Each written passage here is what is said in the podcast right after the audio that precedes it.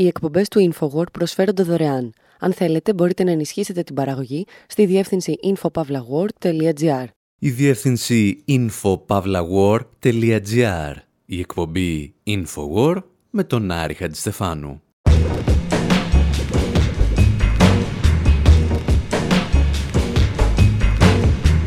Όπου σήμερα πιανόμαστε από μία δήλωση του Δημάρχου Αθηναίων για να μιλήσουμε για τις προεκλογικές αφήσεις από το 19ο έως τον 21ο αιώνα. Υποστηρίζουμε ότι η φράση του Δημάρχου «πολιτική με ψαρόκολα και χαρτί δεν γίνεται» εκφράζει απλώς άγνοια της ιστορίας, νηπιακή πολιτική σκέψη και κυρίως την πιο σκληρή εκδοχή της Μαρίας Αντουανέτας. Για όλα αυτά όμως ζητάμε τη βοήθεια των Blues Brothers και των Primal Scream. Και ύστερα αλλάζουμε θέμα και αποτείουμε φόρο τιμής σε έναν άνθρωπο που αγόρασε πίσω την ψυχή του από το διάολο. Αποχαιρετάμε έναν από τους σημαντικότερους whistleblowers της ιστορίας, τον Daniel Ellsberg.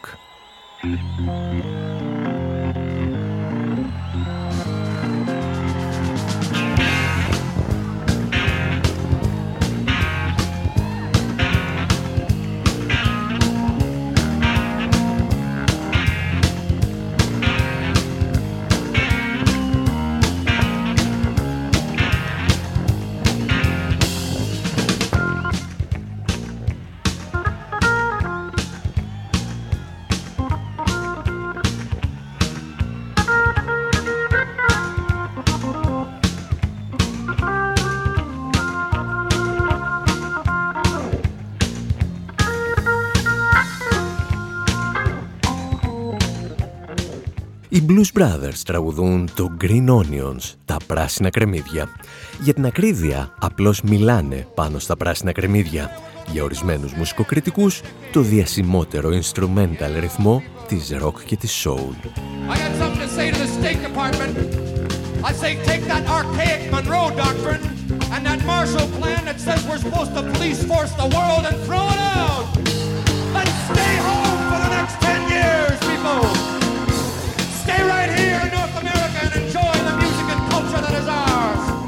Μεταξύ άλλων πολλών που λένε, οι Blues Brothers έχουν και μία πρόταση για το State Department. Τι θα λέγατε, λέει, να μείνουμε σπίτι για 10 χρόνια; Ουσιαστικά δηλαδή, να μην εισβάλλουμε σε κάποια ξένη χώρα.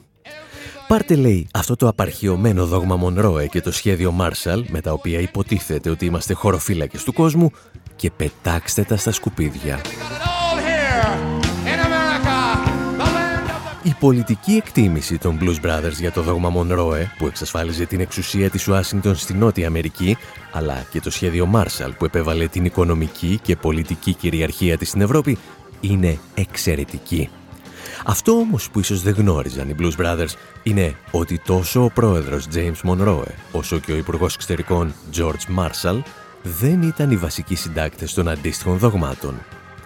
Για τον Μάρσαλ μπορούμε να σας το πούμε με βεβαιότητα, γιατί ο άνθρωπος ήταν καραβανάς και ποτέ δεν κατάλαβε γιατί πρέπει να στείλουν χρήματα στην Ευρώπη για να νικήσουν τον κομμουνισμό, ενώ θα μπορούσαν να την βομβαρδίσουν. Στην περίπτωση του δόγματος Μονρόε, ο βασικότερος συντάκτης ήταν ο τότε Υπουργός Εξωτερικών και μετέπειτα πρόεδρος John Quincy Adams, ο οποίος παρά το γεγονός ότι συνέδεσε το όνομά του με τον Αμερικανικό υπεριαλισμό, είχε και πολλές θετικές στιγμές στην καριέρα του. Όπως, παραδείγματος χάρη, η συνεχής μάχη εναντίον της δουλείας. Το περίεργο πάντως με την περίπτωσή του ήταν ότι προς το τέλος της θητείας του, ως Υπουργού Εξωτερικών, τα φόρτωσε στον κόκορα και ασχολούνταν μόνο με την διεκδίκηση της Προεδρίας. Και τότε είχε μία λαμπρή ιδέα για την προεκλογική εκστρατεία είπε «Θα γεμίσω τον τόπο αφήσει. Και το έκανε, όπως μας εξηγούσε και η σειρά μίνι ντοκιμαντέρ Outrageous.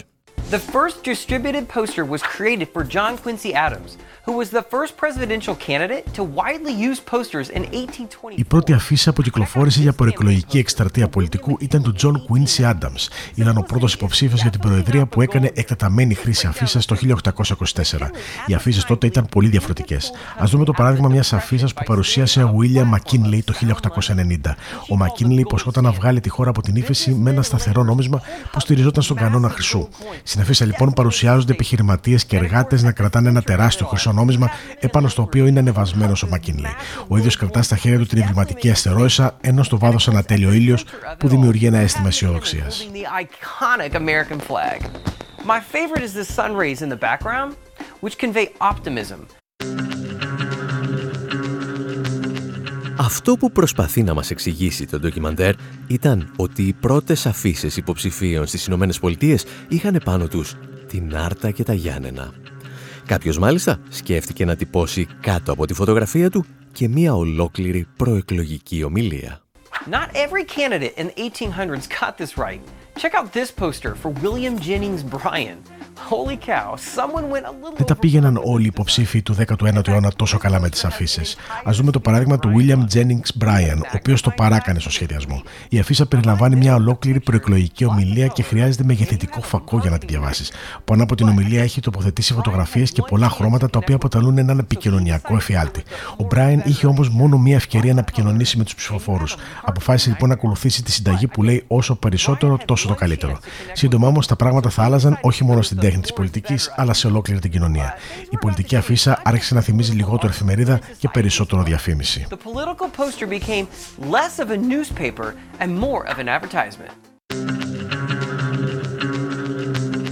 Ο πρώτος Αμερικανός πρόεδρος που φαίνεται να πιάνει το νόημα είναι ο William Taft, ο οποίος στην προεκλογική του εκστρατεία παρουσιάζει μια αφίσα με δύο και μόνο στοιχεία.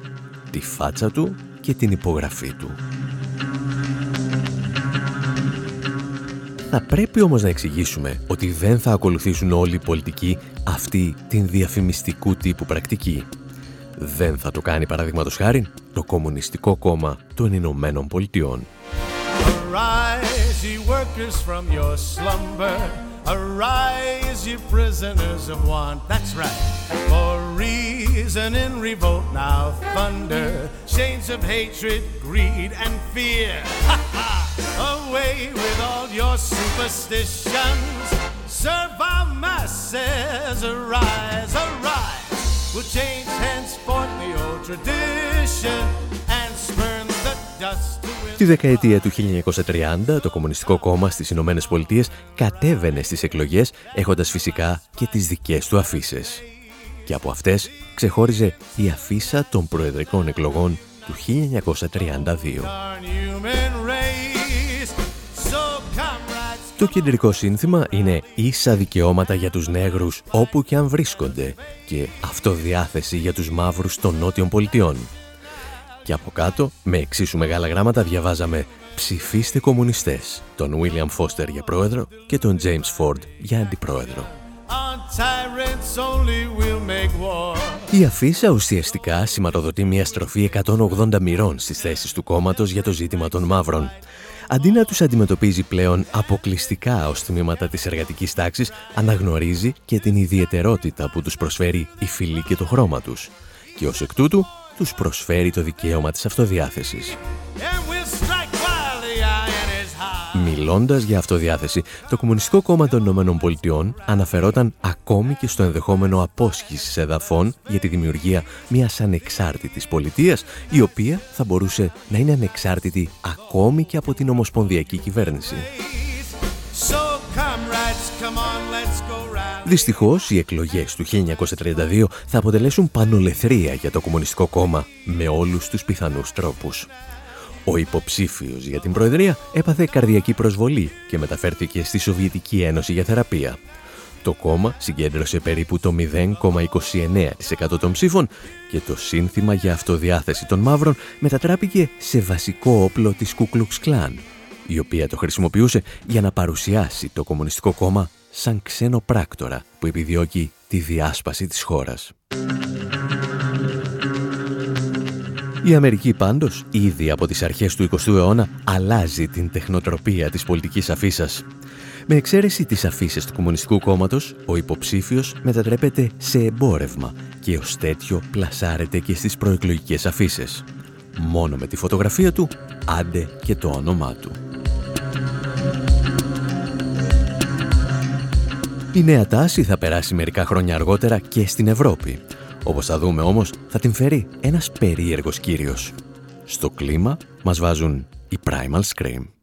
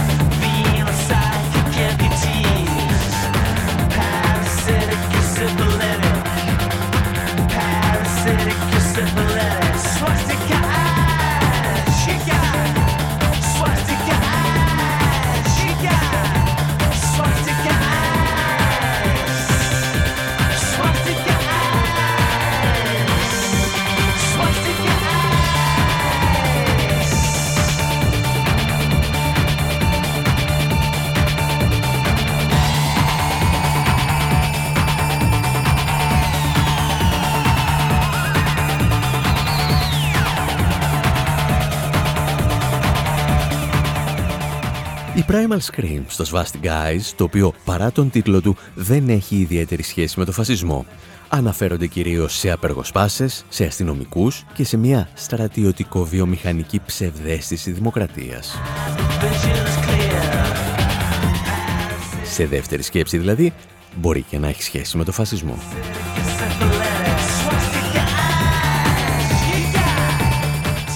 Η ψευδέστηση δημοκρατίας πάντως μας ενδιαφέρει καθώς διηγούμαστε την ιστορία της προεκλογικής αφήσας και καθώς περνάμε από τις Ηνωμένες Πολιτείες στην Ευρώπη της δεκαετίας του 30. Όπως και στις Ηνωμένες Πολιτείες, οι αφήσει των υποψηφίων μέχρι τότε χαρακτηρίζονταν για δεκαετίες από πολύ κείμενο και σύνθετες απεικονίσεις. Μέχρι τη στιγμή που θα κάνει την εμφάνισή του στην πολιτική σκηνή της Γερμανίας ένας αποτυχημένος ζωγράφος, ο οποίος θα βάλει τη δική του πινελιά στη διεκδίκηση της ηγεσίας. Είναι ο Αδόλφος Χίτλερ. Όπως εξηγούσαμε και πριν από μερικές εβδομάδες, οι αφήσεις που δημιουργούν εκείνη την εποχή οι προπαγανδιστές του Χίτλερ θα αλλάξουν για πάντα την αισθητική των προεκλογικών εκστρατιών ο Χίτλερ προβάλλει σχεδόν αποκλειστικά το πρόσωπό του. Σε μία μάλιστα από τις πιο χαρακτηριστικές αφήσεις της εποχής, το κεφάλι του τοποθετείται σε μαύρο φόντο και συνοδεύεται απλώς από το όνομά του. Λιτό, απέριτο, γραφιστικά άρτιο και όπως είχαμε πει, πολιτικά φρικτό. Ιστορίες που διηγούνταν πριν από μερικά χρόνια και ο Τόμας Τσάιλντερς, καθηγητής ιστορίας στο Πανεπιστήμιο της Πενσιλβάνια των Ηνωμένων Πολιτειών. What one sees in looking at Nazi campaigns in 1932 was an attention to detail, to something they called Kleinarbeit, Όταν κανείς κοιτάξει τις καμπάνιες στο Ναζί το 1932, βλέπει την προσοχή που αποδίδουν στη λεπτομέρεια. Κάτι που αποκαλούσαν Klein Arbeit. Ποιες αφήσεις δουλεύουν, ποια χρώματα είναι καλύτερα, οι αφήσεις του Χίτλερ που τον έχουν ανφάς ή αυτές με το προφίλ. Τι είδους εικόνες τραβούν την προσοχή των αγροτών, των δημοσίων υπαλλήλων; Κάθε εβδομάδα έβγαζαν τους ανθρώπους τους στο πεδίο για να γράψουν μια έκθεση. Αυτή η αφήσα δούλεψε καλύτερα, αυτό το σύνθημα χτύπησε μια ευαίσθητη χορδή. Και έπειτα η ηγεσία της προπαγάνδας θα έστελνε διαταγή σε όλους. Αυτό δουλεύει με τους δημοσίους υπαλλήλους, εκείνο με τους αγρότες.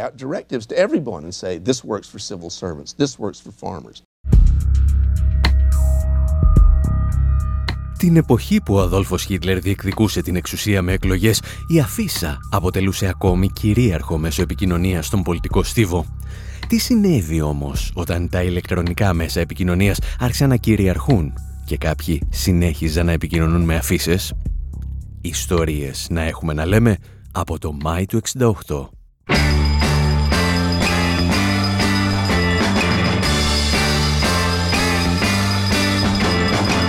Il est 7 heures du matin, faut se réveiller. Oh, sommeil. Bon alors, un peu de musique pour se mettre en train. Je sais pas moi, quelque chose comme euh, Talking about my generation. Ouais, c'est pas tout à fait ça. Je trouve plus ma brosse à dents.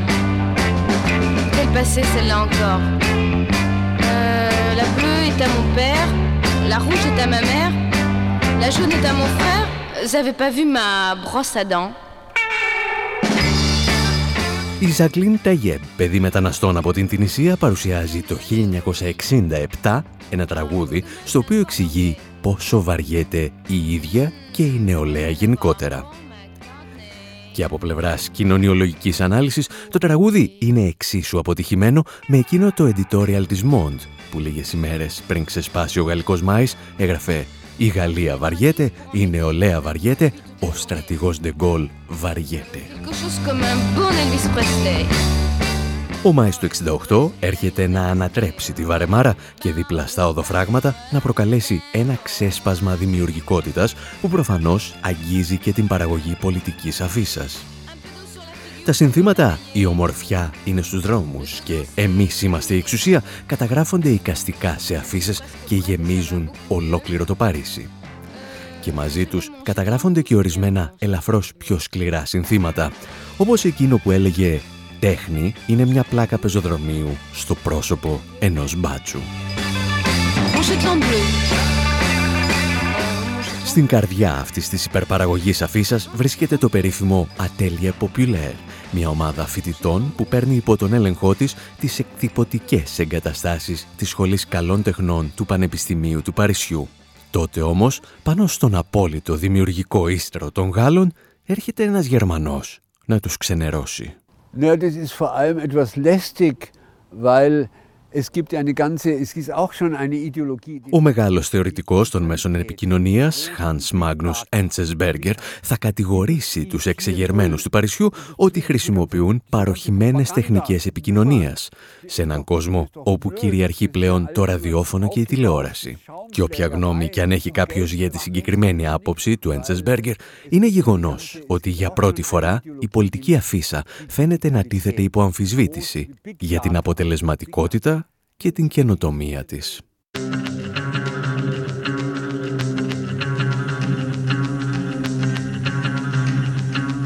Μήπως λοιπόν όταν ο Δήμαρχος Αθηναίων μας είπε πρόσφατα ότι οι προεκλογικές αφήσεις ανήκουν στον περασμένο αιώνα έλεγε ό,τι ακριβώς προσπαθούσε να εξηγήσει και ο Έντσες Μπέργκερ πριν από σχεδόν μισό αιώνα; Εκεί όπου και οι δύο έπεσαν έξω είναι ότι η πολιτική αφίσα γενικά και η προεκλογική αφίσα ειδικότερα έκαναν δυνατό comeback πάρα πολλές φορές τις τελευταίες δεκαετίες παρά την απόλυτη κυριαρχία του ραδιοφώνου και της τηλεόρασης και αργότερα και του ίντερνετ. Οι αφήσει του Μπαρακ Ομπάμα, παραδείγματος χάρη, αποτέλεσαν κομβικό σημείο στον πολιτικό λόγο του τείχου, τόσο σε πολιτικό όσο και σε οικαστικό επίπεδο. Αυτό όμως που ειδικά ο Μπακογιάννης δεν μπορεί να καταλάβει είναι ότι όπως το 1968, έτσι και το 2023, η πολιτική αφίσα μπορεί να είναι το όπλο των οικονομικά αδύνατων απέναντι στους οικονομικά ισχυρούς. Ειδικά αν ζει σε μια χώρα όπου μια πολιτική δυναστεία ασκεί στα ηλεκτρονικά μέσα ενημέρωσης επίπεδα ελέγχου που συναντάμε μόνο σε απολυταρχικά καθεστώτα.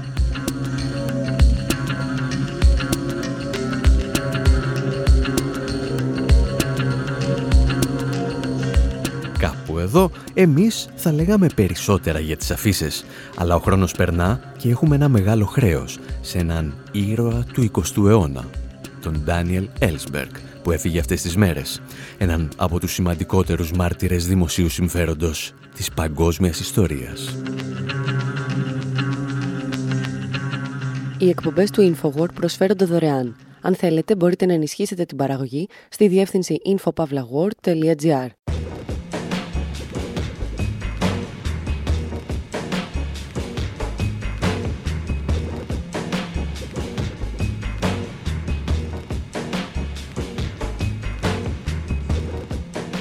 όπου σήμερα παρακολουθούμε την ιστορία ενός ανθρώπου που ακολούθησε την αντίστροφη πορεία από τον Φάουστ. Έδωσε πίσω τη γνώση για να ξανααγοράσει την ψυχή του από το διάβολο.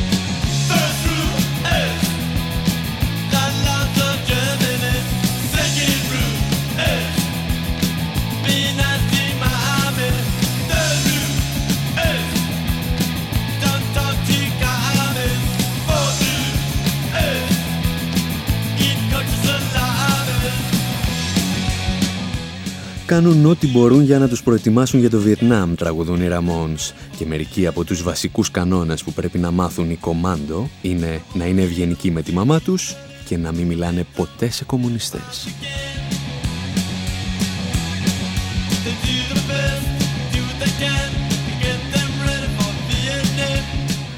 Και ένας από εκείνους τους κομάντο του Αμερικανικού στρατού που ανατράφηκε με αυτές ακριβώς τις αρχές για να πολεμήσει τον κομμουνισμό στο Βιετνάμ ήταν και ο Ντάνιελ Έλσπερκ, ο ήρωας της σημερινής μας ιστορίας.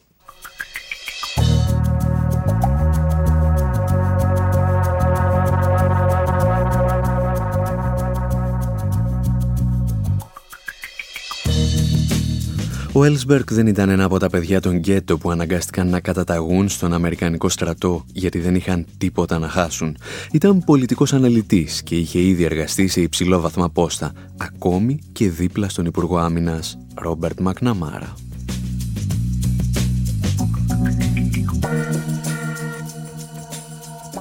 Επιστρέφοντας από το Βιετνάμ, ο Έλσμπερκ θα εργαστεί στο RAND, ένα από τα σημαντικότερα ιδρύματα ερευνών του Αμερικανικού Πενταγώνου και εκεί θα μπορέσει να διαβάσει ένα από τα πλέον απόρριτα έγγραφα στη στρατιωτική ιστορία των Ηνωμένων Πολιτειών.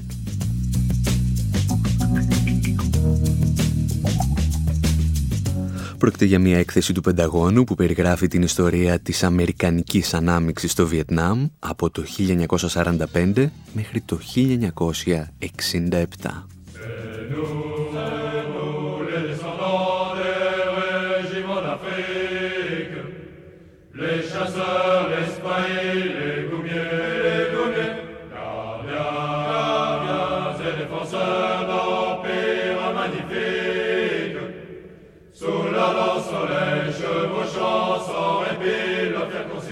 Ο Έλσμπεργκ θα συνειδητοποιήσει έκπληκτος ότι ακόμη και όταν οι Γάλλοι πραγματοποιούν τον πόλεμο της Ινδοκίνας μετά το Δεύτερο Παγκόσμιο Πόλεμο, είναι η Ουάσιγκτον που κινεί τα νήματα.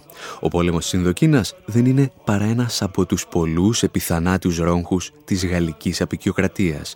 Είναι όμως οι Ηνωμένες Πολιτείες που θα κρίνουν το μέλλον της περιοχής. Αρκετά χρόνια αργότερα, μιλώντας για το εξαιρετικό ντοκιμαντέρ «Ο πιο επικίνδυνος άνθρωπος στην Αμερική», ο Έλσμπεργκ θα εξηγήσει τι ακριβώς περιελάμβανε εκείνη η έκθεση του Πενταγώνου για το Βιετνάμ. Αυτό που έμαθα ήταν ότι ο πόλεμος ήταν αμερικανικός από την πρώτη στιγμή. Ο πρόεδρος Τρούμαν χρηματοδότησε τους Γάλλους για να ανακαταλάβουν την παλιά απικία τους. Και αυτό ενώ γνώριζε ότι οι Γάλλοι μάχονται ένα εθνικό μέτωπο το οποίο έχει λαϊκή στήριξη. Even though he knew the French were fighting a national movement that had the support of the people. The cost of defending freedom, of defending America must be paid in many forms and in many places. Ο Eisenhower στήριξε έναν αιμοσταγή δικτάτορα, ακυρώνοντας τις εκλογές που προβλέπονταν από τη συνθήκη της Γενέβης του 1954. Εμποδίζαμε τις εκλογές, ενώ προσποιούμασταν ότι στηρίζουμε τη δημοκρατία. So we opposed elections while pretending to support democracy. We are attempting to help Vietnam uh, maintain its independence and not fall under the domination of the communists. Ο Κέννεντι είπε ψέματα στους πολίτες και το Κογκρέσο λέγοντας ότι το μόνο που χρειάζεται είναι να στείλουμε μερικούς συμβούλους. Οι στρατιωτικοί αναλυτές του όμως τον είχαν προειδοποιήσει ότι χωρίς άμεση στρατιωτική παρουσία το Νότιο Βιετνάμ θα χαθεί.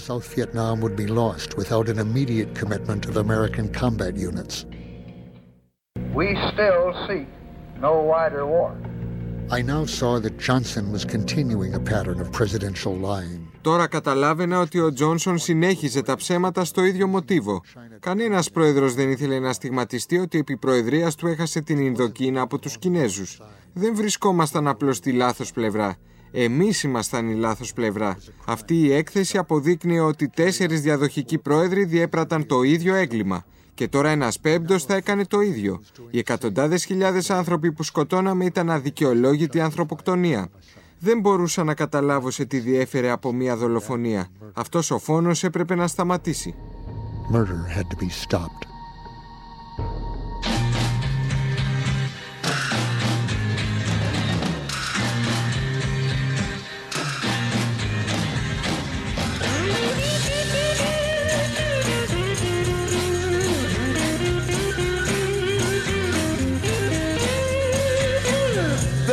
Must some kind of way out of here. Say the joker to the thief. There's too much confusion. I can't get no relief. Businessman there, drink my wine. Plowman, dig my earth.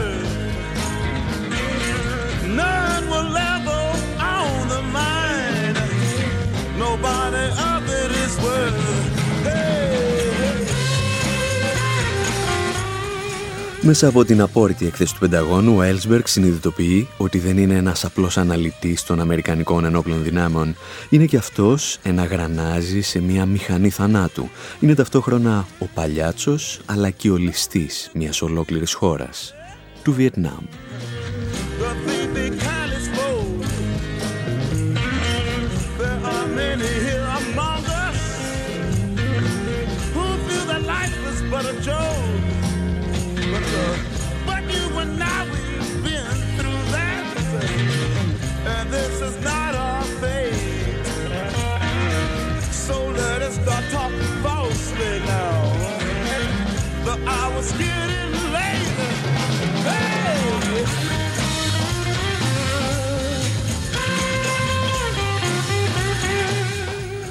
Ο Έλσμπερκ βλέπει τώρα τον κόσμο που έχτιζε από τα φοιτητικά του χρόνια να καταραίει. Οι συναδελφοί του φαντάζουν δολοφόνοι στα μάτια του και ο ίδιος θεωρεί τον εαυτό του συνένοχο σε ένα έγκλημα.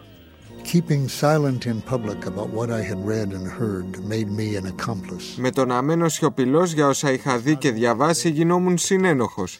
Δεν ήταν μόνο αυτοί που έκρυβαν από τον Αμερικανικό λαό όλες τις αποφάσεις. Και εγώ τις έκρυβα. Αρχικά πίστευα ότι θα είμαι ένας απλός παρατηρητής, ένας κοινωνικός επιστήμονας που θέλει να κατανοήσει τις εσωτερικές λειτουργίες της κυβέρνησης.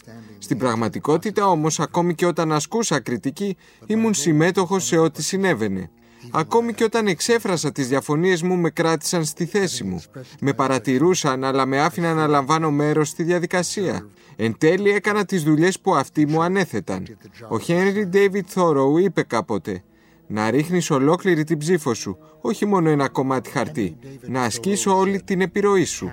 Τι θα συνέβαινε λοιπόν αν αποφάσιζα να παρατήσω τα ειδικά προνόμια που είχα, την καριέρα μου και την πρόσβαση στους ανθρώπους της εξουσίας; Τι θα γινόταν αν τα παρατούσα όλα και διακινδύνευα να οδηγηθώ στα δικαστήρια; Τελικά σκέφτηκα και είπα, ωραία, έχω στο σιρτάρι μου χιλιάδες σελίδες από έγγραφα που αποδεικνύουν τα ψέματα και την απάτη.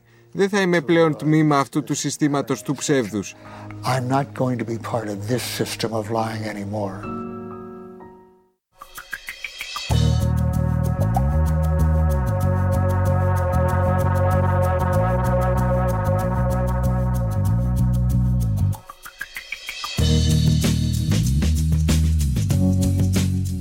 Ο Έλσμπερκ παίρνει τη μεγάλη απόφαση να περάσει στην απέναντι πλευρά. Κάθε βράδυ κλέβει από το γραφείο του τμήμα της αναφοράς του Πενταγώνου και τα φωτοτυπεί στο σπίτι του.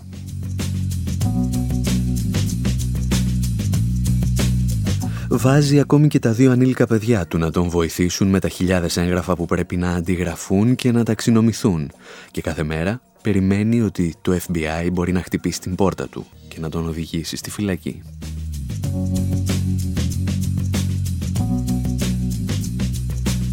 Ο βασικός λόγος για τον οποίο βιάζεται όμως είναι γιατί πιστεύει ότι μπορεί να βάλει τέλος σε ένα έγκλημα που διεξάγεται στην άλλη άκρη του πλανήτη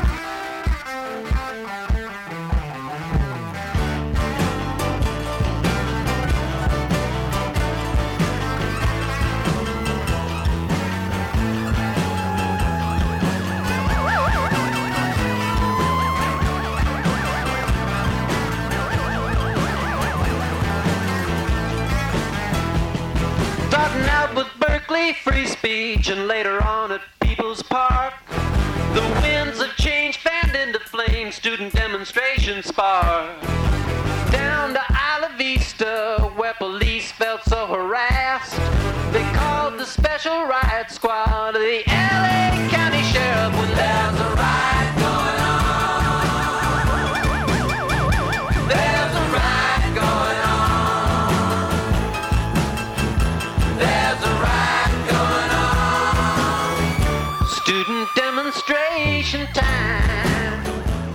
Ο πόλεμος του Βιετνάμ είναι συνήθως η αφορμή των περισσότερων διαδηλώσεων και καταλήψεων που πραγματοποιούνται σε ολόκληρη την Αμερική και ο Ντάνιελ Έλσπερκ είναι πλέον ένας από τους διαδηλωτές.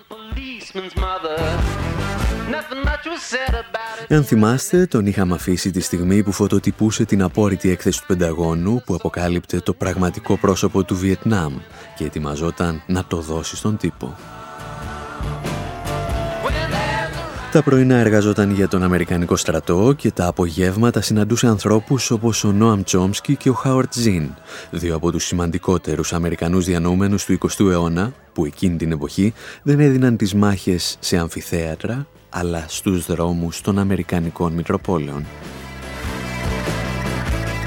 Οι τρεις φίλοι μάλιστα θα συναντηθούν για μια διαδηλώση όπως θυμόταν ο Χάουαρτ Ζιν.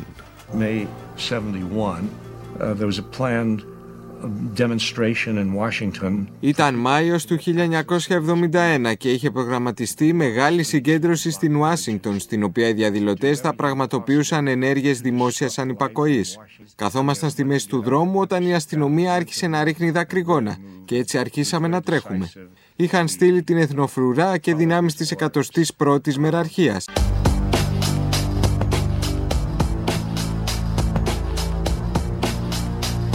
Είναι βράδυ Σαββάτου 13 Ιουνίου του 1971 και ο Χάουαρτ Ζιν έχει πάει σινεμά με το φίλο του τον Νταν Έλσμπεργκ, τον ήρωα της ιστορίας μας. Νομίζω ήταν Σάββατο βράδυ και είχαμε πάει σινεμά. Έβλεπα ότι ο Νταν ήταν ανήσυχος και τον ρώτησα τι έχει. Μου είπε ότι τηλεφώνησε σε ένα φίλο του στους New York Times και αυτός του είπε δεν μπορώ να σου μιλήσω τώρα. Το κτίριο της εφημερίδας έχει περικυκλωθεί από ένοπλους φρουρούς. Οι μηχανές του τυπογραφείου έχουν ξεκινήσει και αύριο θα εκδώσουμε ένα άκρος απόρριτο έγγραφο της κυβέρνησης. And we are printing tomorrow a top secret government document.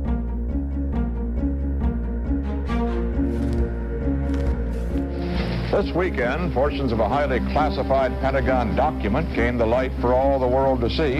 The Pentagon Papers make it abundantly clear how little the public knew of what was going on behind the scenes during its main effect is to refute the notion that we Τα αμερικανικά τηλεοπτικά δίκτυα αναμεταδίδουν πληροφορίες για την έκθεση που μετατρέπεται πλέον σε βόμβα στα θεμέλια του Πενταγώνου αλλά και του Λευκού Οίκου.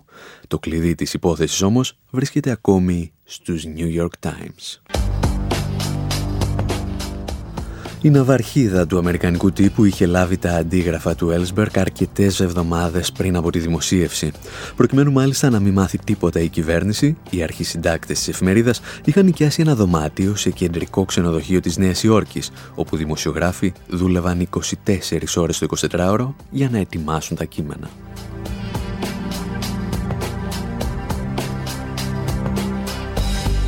Η τέταρτη εξουσία, η εξουσία του τύπου, είχε στα χέρια της στοιχεία που ενοχοποιούσαν την εκτελεστική εξουσία και ήθελε να είναι σίγουρη ότι θα καταφέρει να ευνηδιάσει τον αντίπαλό της.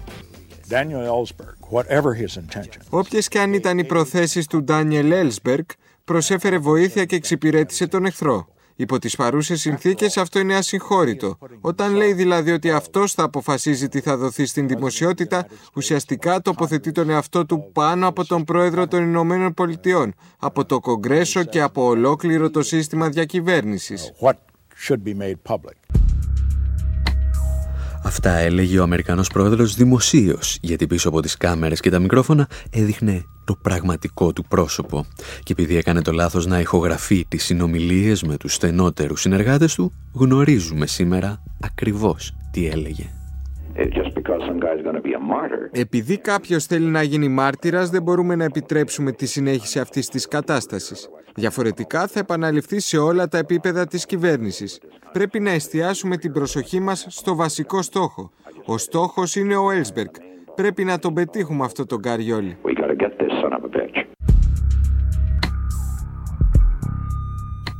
Οι συνεργάτες του Νίξον του προτείνουν να περιμένει τις δικαστικές διώξεις εναντίον του Έλσμπεργκ που βρίσκονται ήδη σε εξέλιξη. Ο Νίξον όμως είναι παιδί της πιάτσας και ξέρει πώς να συμπεριφέρεται απέναντι σε όσους τον αμφισβητούν.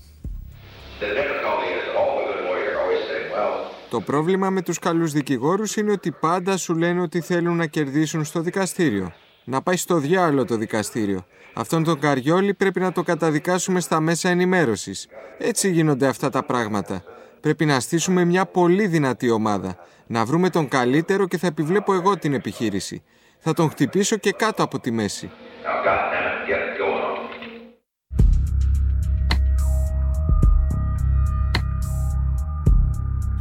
Αμέσως πράκτορες του FBI αρχίζουν να παρακολουθούν κάθε βήμα του Ellsberg, ενώ η CIA στέλνει ανθρώπους της να κλέψουν τον ιατρικό του φάκελο από τον ψυχίατρό του. Στοιχεία τα οποία στη συνέχεια θα μπορούσαν να χρησιμοποιήσουν για να τον εκβιάζουν ή για να τον διαβάλουν στα μάτια της κοινής γνώμης. Αυτή η εξέλιξη με ανησυχεί ιδιαίτερα γιατί στο παρελθόν ήμουν και εγώ στόχος μιας ομάδας εκτελεστών του Λευκού Οίκου. Στις 3 Μαΐου του 1972 ήρθαν από το Μαϊάμι τουλάχιστον 12 πράκτορες κουβανικής καταγωγής με εντολές όπως χαρακτηριστικά υπόθηκε να με αχρηστεύσουν ολοκληρωτικά. Όταν αργότερα ρώτησα έναν εισαγγελέα τι σημαίνει να με αχρηστεύσουν, μου είπε ότι τέτοιοι άνθρωποι όπως οι εκτελεστές της CIA δεν χρησιμοποιούν ποτέ τη λέξη σκοτώνω. Πιστεύω ότι ήθελαν να με κάνουν να σιωπήσω, γιατί φοβόντουσαν ότι έχω πληροφορίες σχετικά με τις προτάσεις του Νίξον να επιτεθεί στο Βιετνάμ με πυρηνικά όπλα.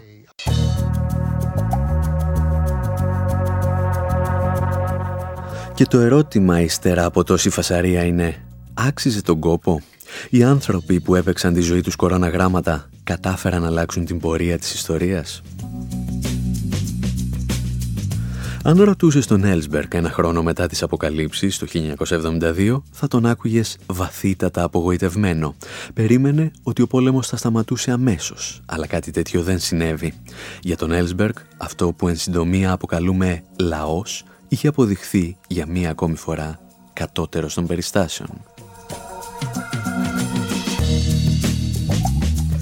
Κοιτάζοντας όμως από μακριά την ιστορία, τόσο ο Έλσμπερκ όσο και οι σύντροφοί του εκείνης της εποχής γνωρίζουν ότι το αντιπολεμικό κίνημα και οι αποκαλύψεις του έπαιξαν τελικά καθοριστικό ρόλο.